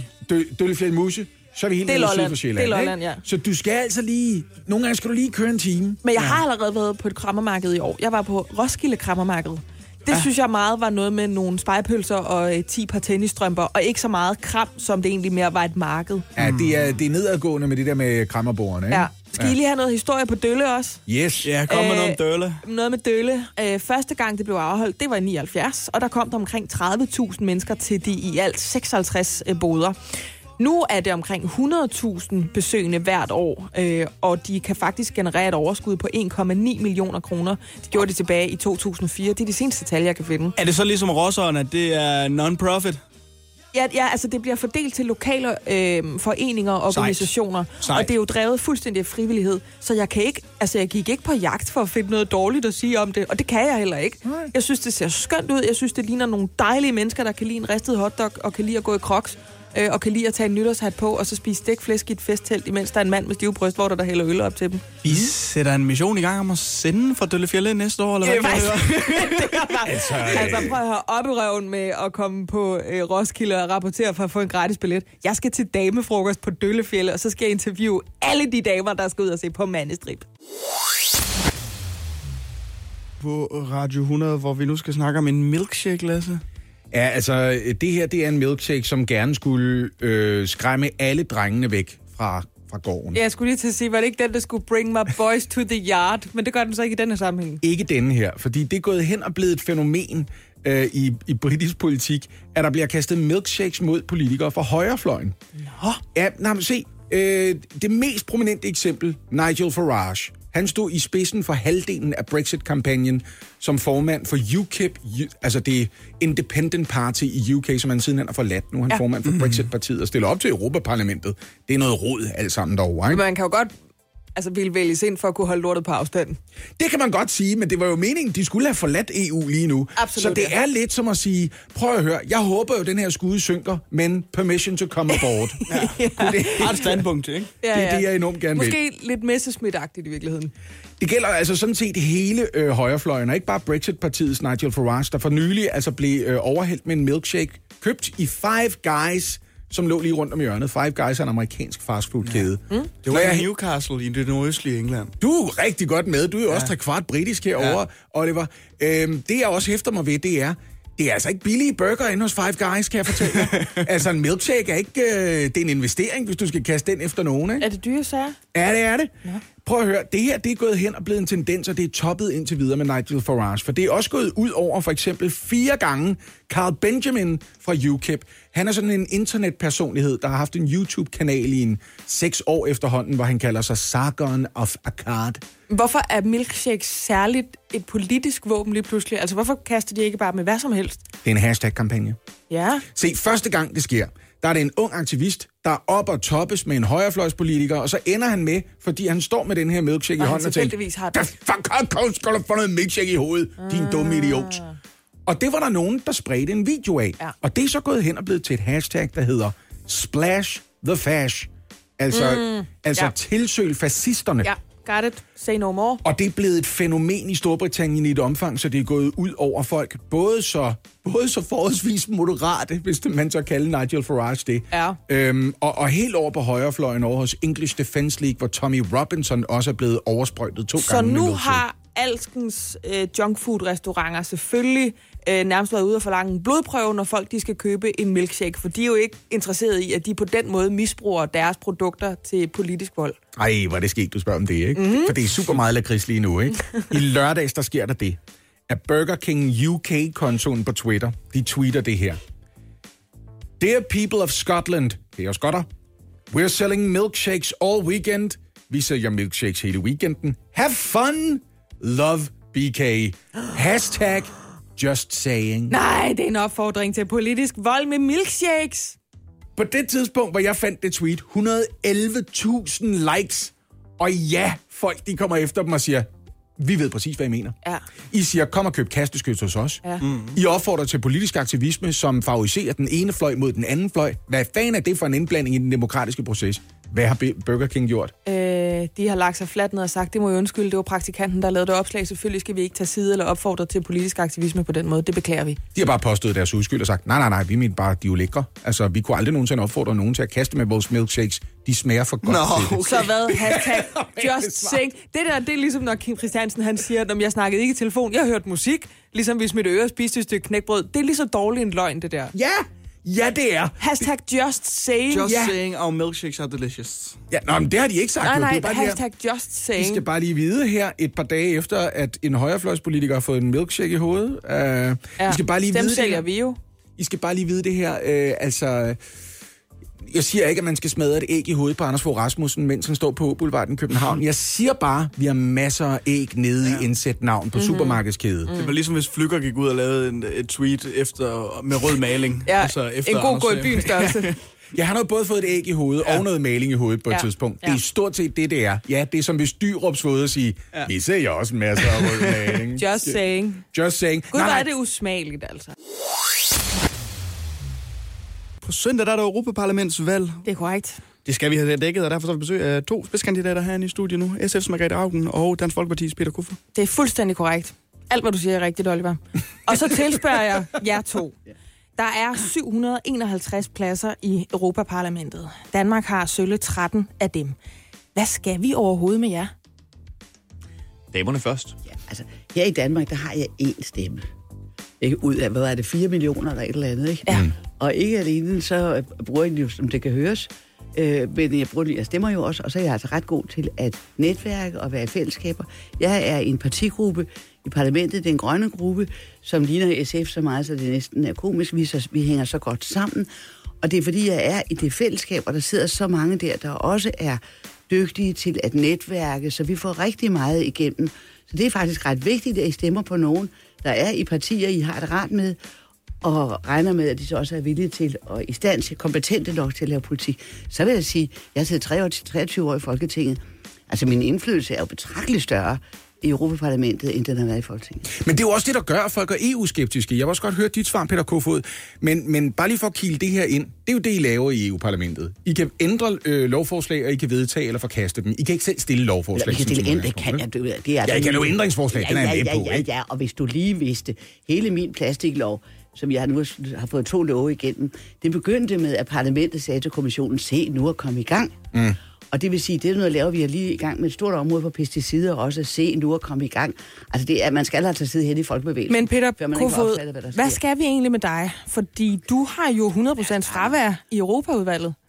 Jamen, det er fuldstændig rigtigt, Ja. ja. at øh, Dansk Folkepartis europaordfører Ken Christensen Bært, han passer Europaudvalget. Jeg har så været retsordfører i tre et halvt år, så jeg har passet retsudvalget, så det er fuldstændig normal øh, procedur på Så Christiansborg. det er noget, medierne har blæst op. Det er ikke noget, vi skal bekymre os om, Altså, jeg når vi tror, skal jeg, stemme jeg på dig. tror roligt, man kan sige, at, at sådan er det vist i, de- i alle partier. Det er normalt ordføreren, der passer udvalgene, og sådan er det nu engang. Okay, altså EU-parlamentet kan jo ændre lovforslag og forkaste eller vedtage dem, og det er jo øh, super. Så vedtager I også betænkninger. Øh, det kan jo være opfordringer til alle EU's regeringer om at arbejde mod et bestemt politisk mål. Øh, hvordan undgår man at virke pisseprovokerende, når man gør det? Det ved jeg da ikke. Hvis man laver noget fornuft. Undskyld mig. Ja. Altså, det er da klart, hvis du er uenig i de love, vi vedtager, øh, så kan du godt føle, der er meget provokeret, men det er så demokratiets... Vi øh, snakker også om betingningerne her. det- altså når man siger var- ligesom, vi synes, at hele Europa skal arbejde mod det her mål, så sidder der nogle nationale ja. parlamenter rundt omkring og tænker, vi kan godt, du har selv siddet 23 år i Folketinget, ja. det kan vi godt selv finde ud Nu af. skal du høre her. Jo, jo, men så kan de jo komme igennem med det på den måde. Det, vi, vi, er nu, vi lovgiver nu ikke om noget, som ikke er meget tværgående. Og så er det klart, at der er folk i landbruget, der synes, at vi skal levere blande og sige, om de, de må have lov til at hælde pesticider i vandet og sådan noget. Men der er de jo så også blevet stemt ned hele vejen igennem. Og husk lige en ting. Vi er to parter, der lovgiver. Der lovgiver. Mm-hmm. Og det er regeringerne, det hedder rådet, og så også i parlamentet. Jeg plejer at kalde vores indstilling for betænkning, jamen lad det nu være. Mm. At vi laver beslutningsforslag eller initiativer. Ja. Det er det der, eller initiativrapporter, som vi kalder det. Det svarer til beslutningsforslag i Folketinget. Men jeg vil godt lige sige, det rigtig kæmpe, kæmpe store problem, vi har i EU, det er, at vores regeringer arbejder i hemmelighed. I sidder her, I kan ikke følge med i, hvad vores egen regering laver, hvad de laver i arbejdsgrupperne, hvad de laver i komiteerne. Det er et kæmpe problem, for det betyder, at Folketinget kan heller ikke. De tror, de ved noget inden fra Europaudvalget. Og ja, en lille bit smule. Men, men øh, vores ombudsmand, vi har en fantastisk ombudsmand i EU, hun har kritiseret som egentlig bare det, at regeringerne ikke arbejder lige så åbent, som Har vi hun gør i ret i det, Margrethe? lige sige en sætning færdig? At vi ikke arbejder lige så åbent, som vi gør i parlamentet. Ja. Ja. Det vil sige, at halvdelen af lovgivningsmagten er i hemmelighed. Peter Kofod, har du det på samme måde? Har hun ret i det? Er det et problem, det som Margrethe Augen hun fremfører her? Margrethe Augen har i den grad ret i forhold til øh, den lukkethed, der er omkring ministerrådets arbejde. Altså, det, det, det må jeg bare sige, det er jo hovedet på sømmet. Der er vi fuldstændig enige. Altså, det er et problem, når vi sender vores regering afsted, at vi ikke ved, hvad regeringen gør. Øh, og jeg synes jo i virkeligheden, regeringernes arbejde er jo krumtappen, burde være krumtappen, fordi man kan sige, det er jo der, hvor den demokratiske legitimitet ligger. Med al respekt for Europaparlamentet, den køber jeg ikke så meget. Altså, det, er jo, det, er jo, det er jo i de nationale parlamenter, man kan sige, at, at ting bliver trykprøvet, og regeringer bliver valgt. Så derfor så er det jo også afgørende, at lige præcis, når det kommer til det arbejde, regeringen lægger sammen med mange andre regeringer, man kan se dem over skuldrene og finde ud af, hvad der foregår der. Prøv at høre, hvis det eneste, det handlede om var transparent, så kunne I sidde i den samme gruppe nede i EU-parlamentet. Sådan lyder det i hvert fald, Nej, ikke? ja, det kunne vi ikke, for så går det jo straks i Jeg stykker. kunne godt se, Margrethe, du panikkede mener, helt der et øjeblik, ikke? Det er der vist ingen chance for, men I bliver her lidt endnu. folkevalgte parlament ikke spiller en rolle. Og så skal vi have fundet ud af, hvor uenige I to egentlig er. Hjælp en, du holder af med at tage det første skridt til bedre hørelse. Få et gratis og uforpligtende hørebesøg af Audionovas mobile hørecenter. Så klarer vi det hele ved første besøg, tryk dig nemt i eget hjem. Bestil et gratis hørebesøg på audionova.dk eller ring 70 60 66 66. Bare rolig. En skræmme er kun skræmmende, hvis du ikke er ordentligt forsikret. For som medlem af FDM kan du heldigvis få en af Danmarks bedste bilforsikringer, der er kåret som bedst i test flere år i træk. Beregn din pris på FDM.dk. FDM med dig hele vejen. Vi snakker Europaparlamentsvalg denne morgen sammen med Dansk Folkeparti's Peter Kofod og SF's Margrethe Augen. Og Peter Kofod, ved det sidste EU-parlamentsvalg, der trak Morten Messerschmidt, jeres daværende spidskandidat, altså tre kandidater med sig ind, fordi han fik simpelthen flere stemmer, end han selv vidste, hvad han kunne stille op med. Øhm, og nu sidder I så tre stykker dernede, og ikke fire længere. Det er jo blandt andet, fordi du overtager en stafet, der er klistret til med både lidt meld og en lille smule fæld. Altså den undersøgelse, der er i gang af, hvordan nogle penge muligvis blev brugt forkert. Hvor omkring. irriterende er det? Ja, hvor irriterende er det lige at skulle tage fat i den klistrede stafet. Sådan på en skala fra 1 til 10, hvis du tænker på Melfeldt-sagen, jamen, så er det en meget træls sag. Mm. Altså, det er, da, det er da ingen hemmelighed, at det har været stærkt generende for, for os, og det har ikke været i orden. Og i øvrigt så venter vi jo på, at der skal komme en afgørelse fra EU-parlamentet om, altså hvad der er op og ned, fordi det er klart, systemet skal jo have foden på bolden i den her sag, og vi skal have reddet alle trådene ud. Og jeg er meget ærgerlig og generet over, at, at vi nu har ventet i tre år på den afgørelse, fordi jeg havde gerne set, at der havde været styr på de her ting lang tid inden. Altså, kan du garantere, at du afleverer en uklistret stafet, når du på et tidspunkt er færdig i EU? Jeg kan, da, jeg kan da garantere, at jeg vil gøre alt, hvad jeg kan, for at vi ikke skal igennem det her en gang til. Altså, det har været forfærdeligt for Dansk Folkeparti. Det kan jeg lige godt sige. Det er, jeg tror, det er, jo, det er jo os, der er allermest træt af det her.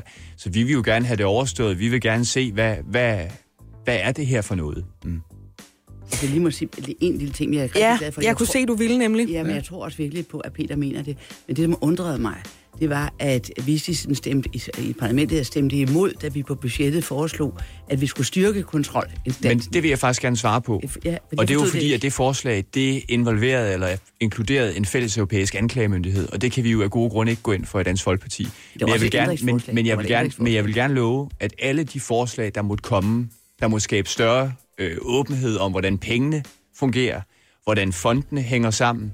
Alle de her ting, eller der skal styrke øh, an- antisvindel, det stemmer vi for. Det var et ændringsforslag, det der I stemte imod. Det var Godt, så tager værterne samtalepenge Det kan tilbage nu. svært at overskue, for der er 751 sager dernede, og det er langt væk. Margrethe Augen, det er ikke så lidt, du vil med EU fortsat i øvrigt i dit arbejde dernede. Det skal handle om bedre klima, flere jobs, især til de unge, stramme krav til finanssektoren. Så er der nogle ting, ja, det var de gamle ting, men lad os bare lige prøve at kigge på det. Du også, du har tidligere øh, og fortsat sagt, vi kan godt tage flere flygtninge ind, for eksempel. Men samtidig ønsker du da også lavere økonomisk ulighed. Lukker vi flygtninge ind i Danmark og i EU, betyder det større økonomisk ulighed. Hvad er vigtigst? Nej, det gør det jo ikke. Altså, jeg synes, det vigtigste, det er det aller, aller vigtigste at passe på. Det er sin egen menneskelighed. Og hvis du ikke kan passe på din egen menneskelighed, stay human, som det hedder på engelsk, det kan vi helt oversætte, bevar din menneskelighed.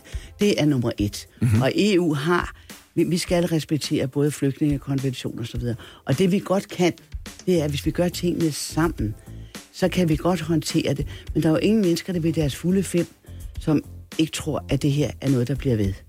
På den sags skyld også, at det vil tage til. Men Margrethe Augen, det er jo svært at være uenig i, at vi skal bevare vores menneskelighed. Ja, Men det har Lasse ikke en pointe, når han siger, at der er altså, ligesom noget diskrepans imellem ikke så meget økonomisk ulighed, og så lukke mennesker ind, der notorisk befinder sig på bunden af samfundet, når det kommer til økonomi og, og Men det socioøkonomi? har vi altså kunnet tidligere i Danmark også, og det har noget med et godt skattesystem. Det har noget at gøre med, hvordan vi sørger for, at vi tager hånd om dem, der er i bunden, så de har en chance for at komme op. Altså, der er uligheden i Danmark, og det har ikke noget med det her at gøre, den er vokset. Og skal give de to kernetal, som er ret interessante. Men det har jo noget med det her at gøre. Hvorfor har det det? Jo, fordi asylmodtagere i Danmark er blandt de mennesker, der regnes for de fattigste, fordi de tjener mindre end halvdelen af Nu skal medianindkomsten. vi høre her, hvis ikke de må have lov til at søge arbejde. Undskyld, så kan du begynde Nej, nej, vi siger asylmodtagere, ikke ansøgere. Dem, der rent faktisk er flygtninge i Danmark, de kan jo frit søge arbejde på det danske arbejdsmarked, og 40 års erfaring siger, at de har svært ved at få en Men nu fod skal du indenfor. høre her, 40 års erfaring, især de sidste 10-15 år, viser også, at der er rigtig mange af dem, der kommer godt i gang. Hvilket er dejligt, det er rigtigt. Ja, ja, men skulle du nu ikke fortælle de gode historier? Fordi alternativet, alternativet, det er jo umenneskeligheden. Vi kan jo ikke skyde, vel? Altså, det håber jeg ikke, der er nogen, der tror. Øh, det der, at vi har lavet Libyen, og Libyen, jeg siger ikke Libanon, men Libyen overtage det, det er jo koncentrationslejre, det er jo mm-hmm. slavehandel. Det er der vel Men- ingen mennesker, der synes... Margrethe Augen, jeg kunne så godt tænke mig, hvis vi kunne blive enten i Europaparlamentsvalget, eller i hvert fald her i Danmark. Anders Samuelsen, han sad på den plads der i går og sagde, jeg kan sgu ikke se, der er et problem med, at de rige bliver rigere, hvis det løfter bunden. Jamen, det kan du godt se et problem Det kan jeg da forsikre dig for, at jeg kan. For så er det netop det, som du siger. Så er det som om, at bare pengene hænger på træerne. Altså, de giver et lille kernetal. I 1900... Peter Kofod, du bryder jo bare ind, hvis du har noget at sige her. Altså, Margrethe har jo lært sig at tale på indåndingsluften, så hvis du vil være med. Og så får jeg kun lov til at sige én sætning. Nej, Så det er okay. Kom du bare. Men jeg vil blot sige, hvis vi, vi er nødt til at håndtere det her. Vi har ikke, ikke begyndt at se klimaflygtninge endnu. Øh, og det, øh, vi, vi står over for nogle øh, ting, som vi bliver... Hvis ikke vi tager fat på dem, før det brænder sammen om ørerne på os. Det var det, der skete i 15, hvor man ikke tog fat på det, selvom man vidste, det ville komme. Så er det, at vi havner i noget umenneskelighed. Og det øh, kan vi se mange steder i, vores, øh, i Europa. Vi har også i Danmark folk, der er her illegalt. Der er ikke illegale mennesker, Ja, det findes Margrethe, ikke. du, du, Det- har- du Derfor, har nogle siger- lange sætninger. Jeg er nødt til at lægge den over til din medkandidat nu. sort- Ja, nu er det min tur, Margrethe. Nu er det Ja, altså Peter Kofod. Peter Kofod, flere flygtninge betyder større økonomisk ulighed, og det er et problem, man skal bevare sin menneskelighed. Skal du ned og arbejde for det?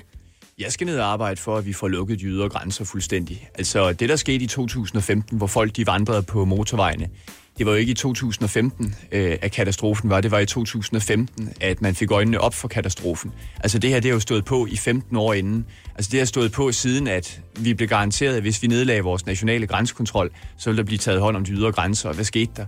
Så havde, så havde vi 2015, og nu går flertallet af europaparlamentarikere rundt og tror, at man har lavet en eller anden løsning, fordi man har sat op til 10.000 grænsevagter af i to, 2027. Altså det her, det er jo...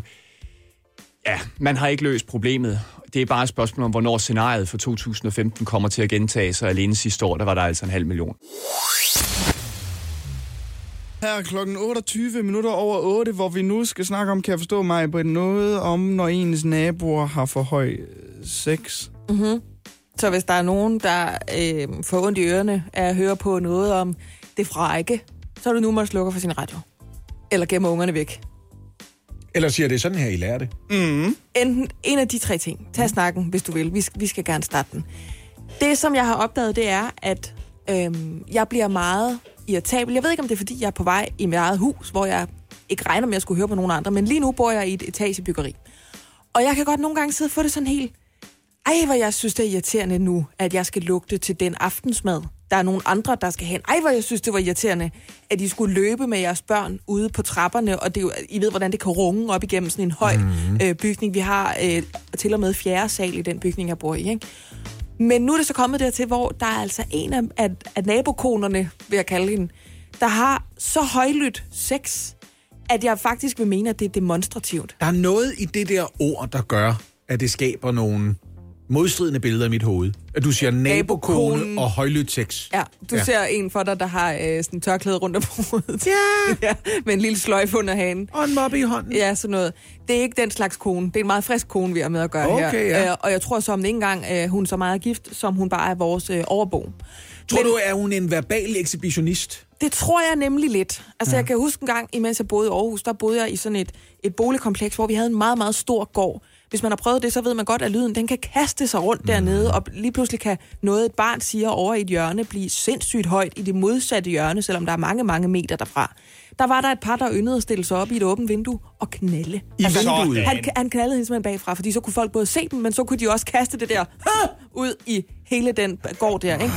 Jeg forestiller Fedt. mig, at det, det må være nogen, altså at man har det, det er ekshibitionistisk i en eller anden udstrækning. Man, man får et kæk ud af, at andre mennesker ved, så går det for sig. Og nogle gange kan der jo være et ekstra kick i det der med ufrivilligheden, kan jeg forestille mig. Og det er det, der irriterer mig ved det. Fordi du kan jo sagtens opsøge steder, hvor der er folk, der er med på den leg, der hedder, så sagde vi jo, at I knaldede, og vi stod og kiggede på. Ja. Du kan finde klubber, du kan finde strande, hvor alle er med på den ting. Ikke? Ja. Men når du gør det på den der måde, så smager det også lidt af, jeg synes, det er frækt, folk kigger, og de har ikke lyst. Og er, at det, det, det, det er et overgreb på en måde, ikke? Men det er jo heller ikke fragt øh, at knalde for at skulle tage hensyn for andre folk. Nej, nej, nej, men der er jo ikke nogen, der siger, Nej, at... det, det er ikke det, vi snakker om. Hvis det var sådan en... Åh, Det er ved, dej- det er det var det. Det var fint. Folk må gerne knalde. Ja, det... Men det er fordi, det bliver sådan noget... Åh! Altså i halve timer deroppe fra. Og det kan All jeg mærke... about it. Altså, lad dem da gøre det. Synes du, det er i orden? Ja da. Hvad synes du? Lasse? Skal jeg, skal jeg øh, sætte mig ned igen, eller hvad? Altså, Jeg synes, det der diskussionen der, det er, er det performativt? Er Jamen, det er performativt. Er jeg det, insisterer på, at det er Ja, performativt. det gør du, men det er ikke sikkert, hun gør. Ja, men prøv at, jeg er selv en kvinde. Jeg Ja, ved godt, hvornår men- man siger noget for at være men- interessant, og men hvornår nu man er jeg- siger noget, nu er jeg en mand. fordi det var rigtigt. Og jeg ved også, der er forskel på, hvem man er sammen med, hvor meget vedkommende de larmer. Ja. Ja. Det understøtter jo kun, hvad jeg siger. At man kan vælge. ja jamen, du kan vælge, men det er jo ikke, det er jo ikke et valg, kvinden laver, hvor meget hun... Anne, nu kigger jeg over på dig. Hvis kvinder, de siger, "Ah!" under sex, er vi så ikke enige om, at det svarer til at drysse ekstra meget krømmel ud over en kage? Jo. Det er vi Sådan. Thank you. færdige. Og Vi er ikke, vi er ikke færdige med det her. Ved I hvad, jeg streger lige den ting, Prøv at jeg synes, vi skulle have snakket om, og så tager vi G-punkt, den her. ingen holdning. Hør på, vi, bliver, vi tager den lige videre her. ikke? Ja. Jeg har stadigvæk ret. Men må man så for eksempel også stønne højlydt, hvis man træner i et træningscenter, Oliver? Ja, det må det du gerne. Ja, okay, du er, du er gennemført forfærdelig, så, for det må man fucking heller ikke. Hvorfor må man ikke det? Man skal da ikke stå og kigge på sig selv ind i det der spejl, for det gør de altid. Og så er det Ja. simpelthen... Øh, alle skal vide, nej, jeg løfter lige til grænsen af, hvad jeg kan, men sådan er jeg bare. Jeg giver den all I have, når jeg er i træningscenter. Det... Og det tager jeg dine ører til indtægt for nu. Det skal jeg sige, at de, de, de gange, hvor jeg har prøvet det der, og jeg, og jeg har været lidt på grænsen, måske været op og løft, lad os bare sige 28 kilo, der, der har jeg måske nok larmet lidt. Har du aldrig, når, hvis du har bænkpresset, bænkpresset for eksempel, Det er det, jeg siger. Der ja, så har du også selv gjort... Ja, du så, ja sådan der kan man godt ja, ja. sige. Ja, men det jeg er har- også en lyd, der er fuldt ud acceptabel, hvis man Må bor i et kvinder så heller ikke gøre det, når de spiller og man tennis? Boller. Nej, nej, på den måde, det foregår nu med det der... Øh, Men nu skal jeg Mm, være ja. Nej, tak. Nu rykker jeg væk fra mikrofonen og siger, nu skal jeg være helt ærlig og Ja. sige, det er faktisk, jeg har undermineret mit eget argument. For jeg har i træningscenter lyttet sådan her. Fordi det gjorde ondt til sidst. Jeg har, sådan har, og det er en konkret lyd, jeg har lavet. Og det var ikke med vilje. Men Så- det, det kan så- også være den samme slags lyd, der kommer i det etagebyggeri. Så okay. generelt, så må man ikke larme eller øh, stønne, Man når man larme. udøver noget, som er hårdt eller dejligt. Jo, men man behøver ikke at gøre det demonstrativt, fordi det ikke er nær så dejligt for en, hvis andre ikke er med Hør, på, hvor hvad meget man jeg nyder sig. det her. Det er det, det, der det, der irriterer. irriterer mig. Det kan man det er godt præcis det, der irriterer Jeg er med på, at man må godt gøre det lidt for sin partner af forskellige årsager, Ja, man fordi det er også godt. nonverbal kommunikation. Det er Ja, okay. Man må gerne stønne det i gang. Det er fint. Men der er ikke nogen grund til at ligge og nærmest med en kop skrige det ind til naboen. Nej, men der, og det er også det, mænd for eksempel, ikke? Mænd, som udstøder en form for guttural brøl hen mod klimaks, som laver en form for... "Åh, agtige hele den der ting, ikke? Det er, det også lyder som om, jeg er i gang med at løfte noget tungt, Jeg faktisk. til at Øhm, mænd, der gør det, gør Dit det også, fordi... sexface, det er også det samme, tror jeg måske. Jeg har bare oplevet ofte nok, at der er kvinder, der i stedet har sagt, "At- og nu er vi nu er vi færdige. Okay, godt. Så, er det, så kan man enten sige det med ord, og Eller det man kan så dumt. Det. det virker så dumt, ligesom at sige, det der sker nu, det Ja. er vi kommet til den fase. vores hende på skulderen og sige, jeg kommer nu. Øh, ja. Ja. du skal bare lige vide, at øh, hvis der er noget, du gerne vil nå, så er færgen i lige havn nå om 5 minutter. Jeg skal bede dig om at vende tilbage til bildækket. Men prøv at høre, jeg, jeg tror altså også, det er, jo, det er jo også en generationsting, ikke? Ja, det tror jeg. Der er nogle unge kvinder, der tror, altså alle dem, og igen, vi må bare sige det, hvis du har poder på bagsædet, så slukker du nu. Der er nogle af de kvinder, der er vokset op i en seksuel virkelighed, i en digital, pornoficeret virkelighed, mm. som tror, at man skal lyde ligesom de pornomodeller, der jo fandme bliver spyttet i numsehullet i de der øh, pornofilm, der er, du ved, stikker fuldstændig af. Ja. Og du skal ikke sidde og se ud, som om du ikke ved, hvad jeg taler om, Oliver. Jeg ved ikke, hvad det porno er. Nej, godt nok. Mit eneste anke er, at nu har jeg boet i København i tre år, og jeg har da både hørt min overbo og min underbo, og de tre forskellige steder, jeg har boet, haft sex, og jeg har tænkt, fint, godt I hygger Men det er ikke, fordi Dejligt. man ikke må høre det, Oliver. Du, er Du nødt til at høre, hvad jeg siger nu. det. Du må godt høre det. Men hvis du for eksempel ved, okay, et samleje, som bare er normalt og dejligt, og som altså primært foregår mellem de to parter, eller flere for den sags skyld, mm. der deltager i det, det kan lyde sådan, ah, mm, et eller andet. Hvis man så hører nogen, der siger, ah, op på deres værelse, Hele som tiden, er jeg ovenover ens soveværelse Hele tiden, ikke momentant. Så får man tanken, Hele det tiden. der, det er egnet til, at jeg skal kunne høre, hvor dejligt du har det. Ja. Og det tror jeg faktisk ikke, jeg behøver at yde til dit samleje. Det vi snakker om, Det er det, vi snakker om, Jeg skal Oliver. ikke være den, der er vidnet, fordi... Nej, fordi så er det ekstra dejligt for dig. Ja, det er det, det handler om. Det er Ja. det, jeg er ikke din fetish. Jeg tror, vi arbejder med en ung mand, der selv er sådan en... Øh, Nej, det er jeg Der gerne vil skrige for, at andre skal høre det, Vi måske. snakker om folk, som siger, hvad tænder du på? Underboer, der lytter. Det er det, vi snakker om, ikke? Hvis det drejer sig om, den lyd, den finder sted hver dag, engang, øh, Oliver. tre gange om dagen, dig, der så er kommer, det fair nok. Dig, der kommer og besøger min nabokone. det er dig, Oliver. Så er det fair nok, du bliver irriteret over det, men hvis det er en gang imellem, så synes jeg ikke, det er noget at blive irriteret over. Det synes jeg. Man sidder der med skærekager og svigerfamilie, og så går hun i gang ovenpå. Ja. Det synes jeg er vældigt. Så svigerfamilien kommet til storbyen, er det ikke skønt? Oh, men det er som at tale med en mand, der uopfordret begynder at prale af sin penisstørrelse. Ja. Det er jo ligesom det, man siger, jeg synes, jo, det er mærkeligt, folk går op i det. Det går jeg jo ikke op i, fordi min er så stor. Ja. Så derfor går jeg ikke op i, den er cirka, Præcis. cirka 24 Jeg synes, alle Men det er det, jeg skal i. knalde. Altså, alle, der rører sig nærmest. Ja. Bold, bold, bold. Bare bland mig udenom, medmindre jeg selv har bedt om at være med. Du skal selv have banket på. Vi snakker altså om det vigtige Europaparlamentsvalg, der finder sted på Det er meget Danmark. Europaparlamentsvalg. Og lige om lidt, så skal vi også prøve at løse, hvorfor der kun cirka halvdelen af os, der gider stemme til det, øh, når man kigger på statistikkerne fra de sidste gang, der har været netop den slags valg. Men først så skal vi altså snakke om en anden ting, der også er rimelig øh, passerende lige nu. Vi har snakket om klimaet. Det ved vi godt, også i forhold til folketingsvalget. Det er vigtigt, men en anden ting, der også er vigtigt, det er flygtningekrisen. Morten Lyngård, jeg ved, at begge dele sådan set er vigtigt for dig. Hvis du bliver spurgt, er det klima eller er det flygtninge, så kan du ikke vælge, så siger du, det er begge dele. Kan man løse klimakrisen udenom EU, som din politiske marker her, Rina Ronja Kaje, hun ønsker sig? Det kan man selvfølgelig ikke, og det er selvfølgelig, det ville være dejligt, at, øh, at man kunne sige, at det ene var vigtigere end det andet, men nu, det, det nemme nuancer, det er jo ikke sådan noget, det er jo ikke me- mediernes stærke side, men lad os nu, lad nu ligge. Altså, jeg er nødt til at pege på begge dele, for de er begge to enormt vigtige, og de peger begge to den samme retning, nemlig at EU må træde til. Vi har jo en krise, som har varet siden 2015 nu, da vi så folk vandre op af E45, og Ja. siden da har det jo været helt åbenbart, at vi skulle samles, fordi det er grænseoverskridende problematik, og vi skal have styrket vores ydre grænse, vi skal have hjulpet så alle de her afrikanske unge mænd, de ikke sætter kursen mod nord, hvad jeg godt kan forstå, de gør, fordi de vil da hellere have en tilværelse heroppe, når de, har- når de har det trøstesløst derhjemme. Vi skal sørge for, at Afrika får det bedre. Vi skal massivt investere. Samtidig skal vi sørge for, at alle de mange, der slap ind mellem 2015 og, og, og nu, og som ikke har ret til at være, de bliver sendt hjem på en ordentlig måde. De bliver motiveret til at komme hjem. Alt det skal vi ordne på én gang. Og det, og det har selvfølgelig givet en, en masse kaos, og vi er ikke enige endnu, men det er det første, vi skal tage fat på, når vi kommer tilbage. Derfor er det for os i Venstre utrolig vigtigt at gå til valg på, at de her ting bliver løst. Er det ikke vigtigt for dig at løse flygtningekrisen, Rina Ronja Kaje? Jo, selvfølgelig er det det. Øh, ligesom det er også vigtigt for mig at løse klimakrisen.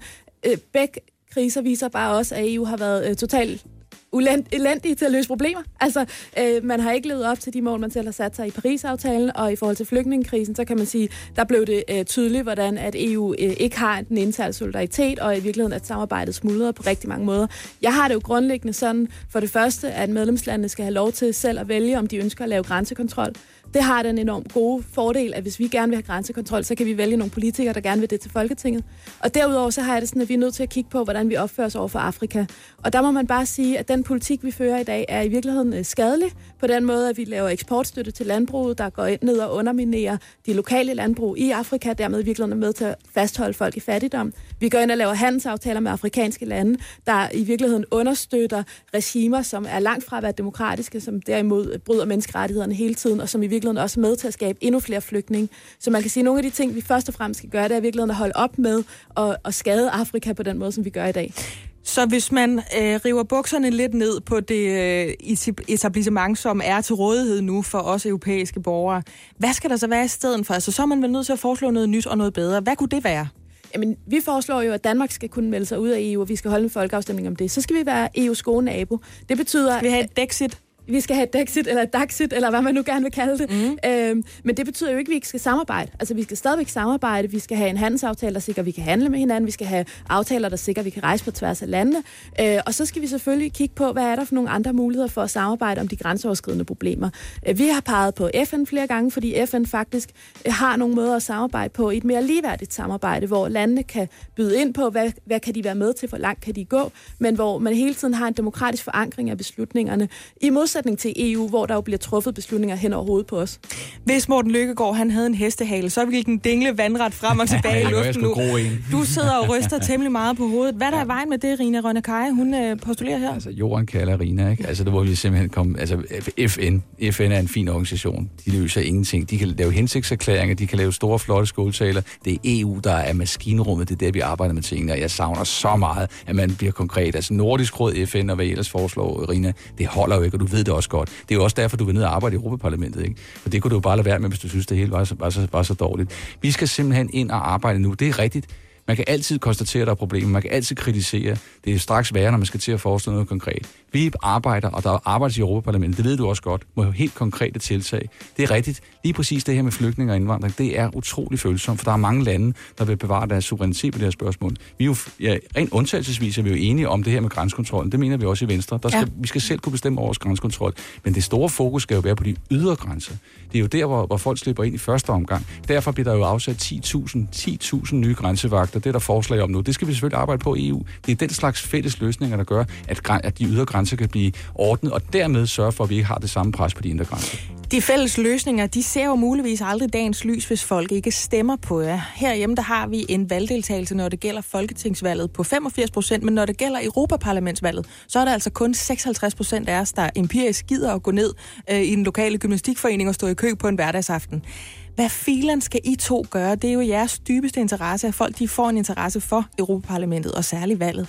Hvad pokker gør man, Rina Ronja Jamen, det er jo øh, en svær nød at knække på den måde, at jeg oplever rigtig meget, at folk er interesseret i at diskutere EU. Når vi er ude til debatmøder, når vi er ude på gaden og deler materialer ud, så er folk i virkeligheden engageret og spørger ind til og nysgerrige på det. Men hvordan vi så får dem det sidste skridt hen og faktisk sætter et kryds, det synes jeg er, er svært at pege på. Jeg tror, at en af de ting, der er vigtige, det er, at vi får bragt debatten ned et sted, hvor folk kan være med. Altså, ja. en af de ting, som EU gør, er jo at blande sig for eksempel i vores dagpengesystem. Jeg tror, at langt de fleste danskere har en holdning til, hvordan vores dagpengesystem skal se ud. Og, og der tror jeg faktisk, at det kan hjælpe det der med, når det bliver tydeligt for dig, hvordan påvirker det din hverdag, ja. at du går ned og stemmer til Så det bliver personligt faktisk.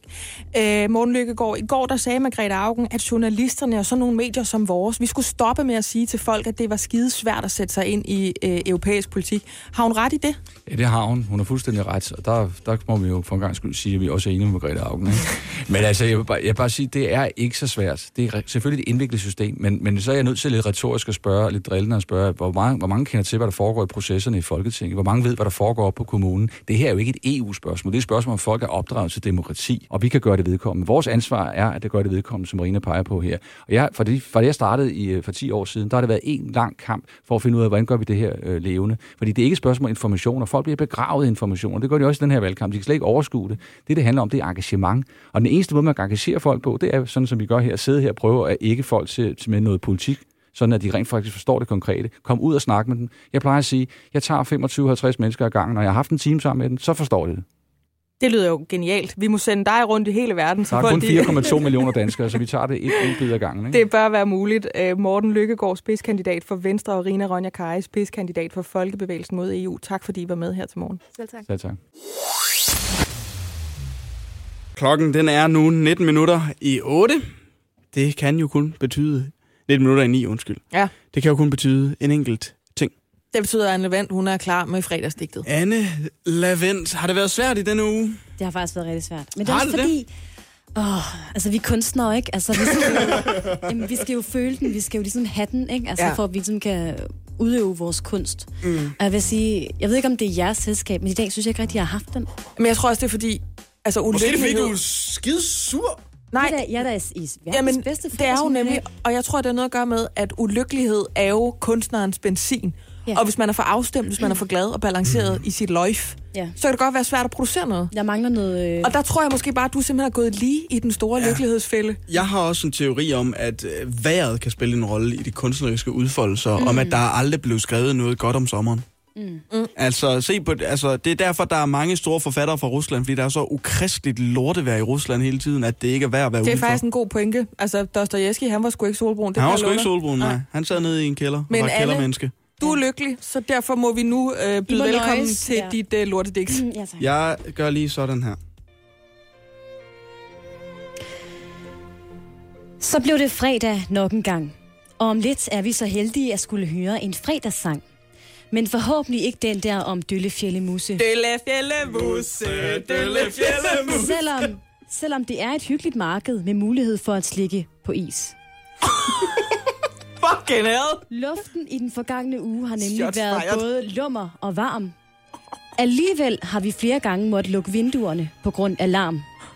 Blandt andet fordi Majbrits naboer har været godt i gang. Ja, Eller var det måske i virkeligheden bare Madonna, der sang? en, der til gengæld ikke skriger så højt, er Pernille Vermund, for hun nægter at bruge sin stemme. Altså den til Europavalget, der er hun virkelig en af de slemme. Vermund ville vælge valget fra. En beslutning, der fik Pia Kærsgaard til at sige vabbehar. Hvis Vermund dog bare havde været en lille baby med små tær, så havde Kærsgaard smidt hende ud af Folketinget. Du er ikke velkommen her. Men selvom valgdeltagelsen er lidt op ad bakke, så fortsætter Radio 100 op ad bjerget. For som Rasmus Krav behøver vi ikke kunstig ilt for at snakke. Oh. Sådan der, du.